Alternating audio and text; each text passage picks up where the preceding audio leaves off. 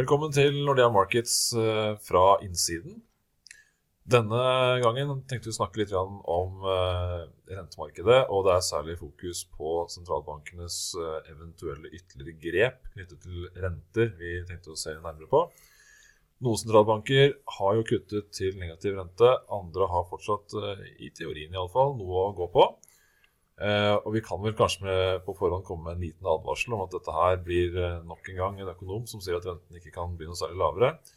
Men eh, Kjetil Olsen, sjeføkonom i Nordea, hva sier sentralbankene selv om muligheten for å kutte renten ytterligere? Og nå er det jo egentlig den amerikanske og den norske som, som særlig har noe igjen. Ja, de sier kort fortalt at vi kan kutte hvis vi vil men vi vil ikke. Eh, og, og, det er på en måte det som gjør at jeg også er blitt ganske trygg på at eh, vi har nådd eh, rentebunnen, ikke bare lokalt, men globalt. Altså, iveren etter å gå videre på rentesida er veldig, veldig liten. Uh, sentralbankene er ekstremt tydelige, sånn som jeg leser dem, både Norges Bank og den amerikanske sentralbanken, tydelige på at negative renter er det det vil vi rett og slett ikke. Vi, eller vi tør egentlig ikke å gå dit. Eh, så det sier sentralbankene. Og, men noen har jo da allerede kuttet renten til, neg til negativt territorium. Mm. ECB f.eks. Og Riksbanken også. Mm. Hvilke innvendinger finnes det da mot negative renter nå? Det, det, det vi har sett litt på, da, liksom, hva er det som gjør at eh, både Fed og Norges Bank eh, virker så skeptiske til å gå under null? Og, og da er det, det er særlig tre ting de trekker fram. Det første, som i og for seg ikke er et argument i seg selv, men, men, men de, no, de, trekker noe uansett fram, det er at rommet på nedsiden uansett er ganske begrensa, og, og, virkningen eh, er, er begrensa. Eh, men kanskje viktigere er at de, både Fed og Norges Bank er veldig usikre på hvordan negative renter slår ut i økonomien. Og så er de også usikre på hvordan finansmarkedene vil ta det. Um, Det er de tre grunnene de, de løfter fram. Hvilke, har vi noen, eh, noen sånn helt klare eksempler på der man på en måte ser at, at, uh, at renten gir et underlig utslag i folks atferd? Ja, og, og, det er jo det også disse sentralbankene som ikke har gått negativt, trekker fram. Da, at det er veldig blanda erfaringer utenfra. Vi kan jo f.eks. se til Tyskland. Um, tyske husholdningers sparerate har skutt i været etter at ECB eh, satte renta negativt. Og det er på en måte stikk i strid med teori og stikk i strid med det sentralbanken sjøl ønsker å oppnå. Typisk er det sånn at Når du setter rentene opp, så ønsker man å motivere til sparing og mindre konsum. Da typisk ser man at spareraten øker. Når man setter renten ned, så ønsker man å, å, å stimulere økonomien. Og, og man ønsker egentlig at spareraten skal falle. Og i Tyskland så, så vi at den, den tendensen var der eh, når rentene var positive. Så når rentene gikk opp eh, og ned, så gikk spareraten opp og ned i takt med renta. Etter at renta ble negativ, så har spareraten i Tyskland skutt i været. Altså helt stikk i strid med, med hva man ønsket å oppnå. Og da er spørsmålet hva som har skjedd her. Eh, og en noe som blir trukket fram, er at det kan, kan, komme inn en slags psykologisk effekt. Altså Når rentene er negative, så må man betale for å få lov til å spare. Og det kan gjøre at man faktisk ikke sparer mindre, men, men sparer mer for å liksom oppnå de sparemålene man, man har. da. Og det er iallfall helt tydelig at vi ser, har sett det, det utslaget i Tyskland. Og også hvis vi ser på, på franske husholdninger, så, så har i hvert fall ikke spareraten gått ned. Det er heller at det er trukket oppover. Så jeg tror det er en erfaring sentralbanken har gjort seg, at det er ikke opplagt at uh, negative renter faktisk virker stimulerende. Uh, vi har også uh, hørt mye fra bankene i de regionene hvor renten er negativ, klage mye på at det rammer inntjeningen. Og vi ser jo også på aksjemarkedets verdsetting av europeiske banker. Hvis du ser det holdt opp mot verdsettingen av amerikanske og for så vidt også norske, så har de gjort det mye, mye dårligere. Eh, og særlig etter at rentene ble negative. Um, fordi det presser marginene til bankene. Eh, inntjeningen blir dårligere. Og da, når en bank opplever å få dårligere avkastning på kapitalen sin, Da låner ikke den banken ut mer penger. Den tar ned kapitalbruken og blir mye mer selektiv i sin långivning for å gå etter de mest lønnsomme prosjektene. Sånn at du, også der kan du risikere å få motsatt effekt av det sentralbanken ønsker, nemlig at kredittgivingen strammes til fra tilbudssiden og ikke løsner opp.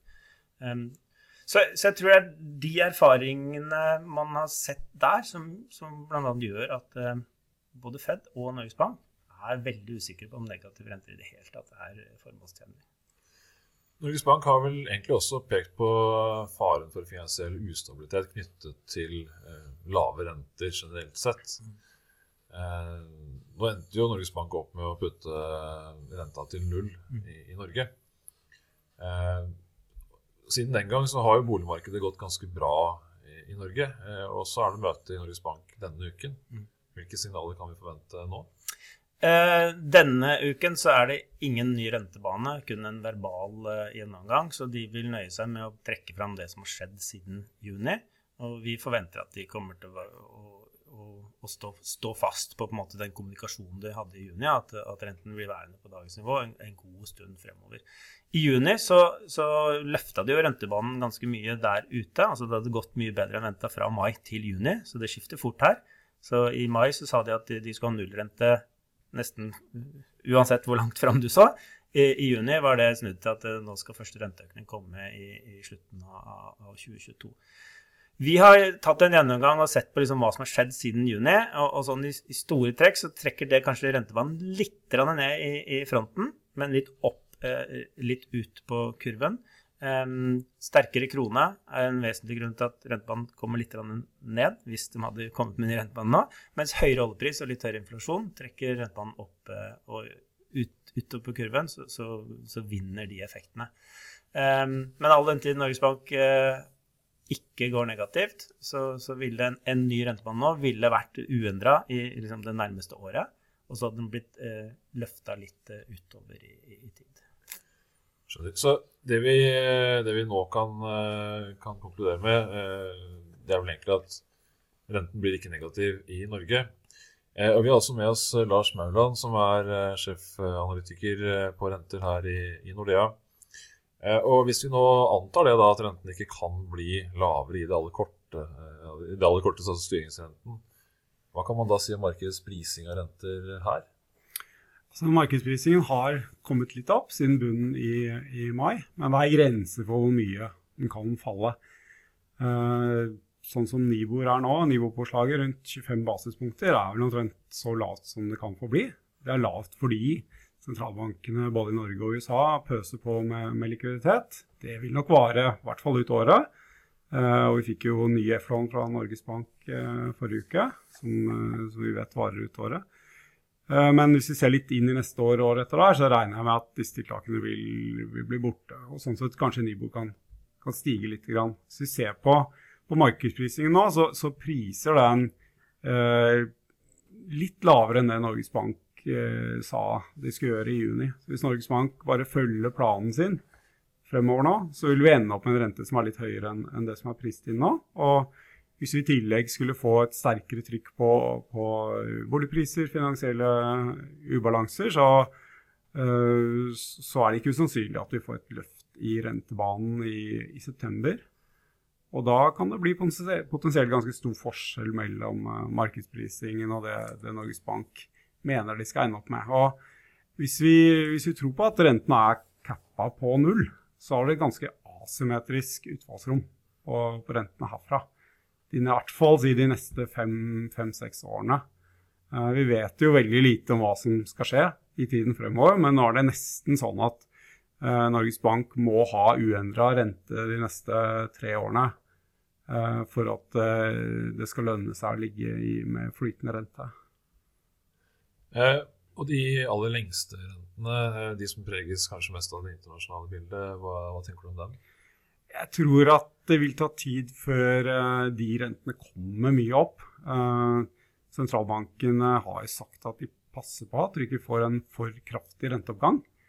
Og jeg tror også det vil ta ganske lang tid før den amerikanske sentralbanken eh, begynner å sette opp rentene. Det har vel sagt noe sånn at de, de tenker ikke engang på å tenke på å tenke på å sette opp rentene. Så da må de gå noen runder med seg selv før, før, det skjer. Og som vi vet, så er jo smittesituasjonen i USA så mye mer uavklart enn, enn i Norge. Så det vil ta lang tid før den amerikanske sentralbanken begynner å heve rentene, og da vil amerikanske renter nok eh, ikke stige veldig mye herfra.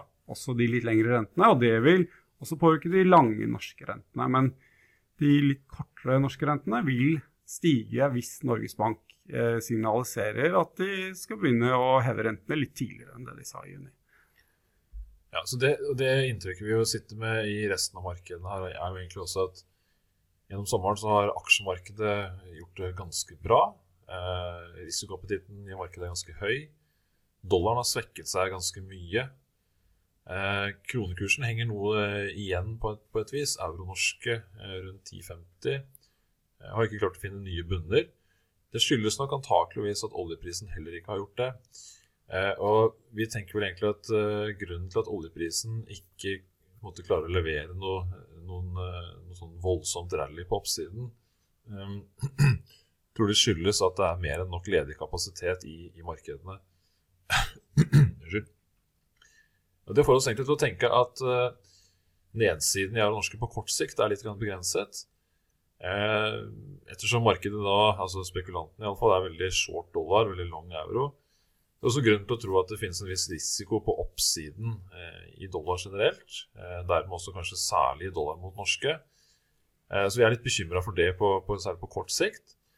Eh, på lengre sikt, altså sånn et år eller to, så er det grunn til å tro på, på sterkere norsk krone. Eh, kanskje også særlig da i lys av, av høyere oljepris. Eh, og det var egentlig det vi hadde tatt med for denne gang. Mitt navn er Ole Håkon Eek Nilsen. Eh, og vi håper å, å komme tilbake med, med nye spennende temaer.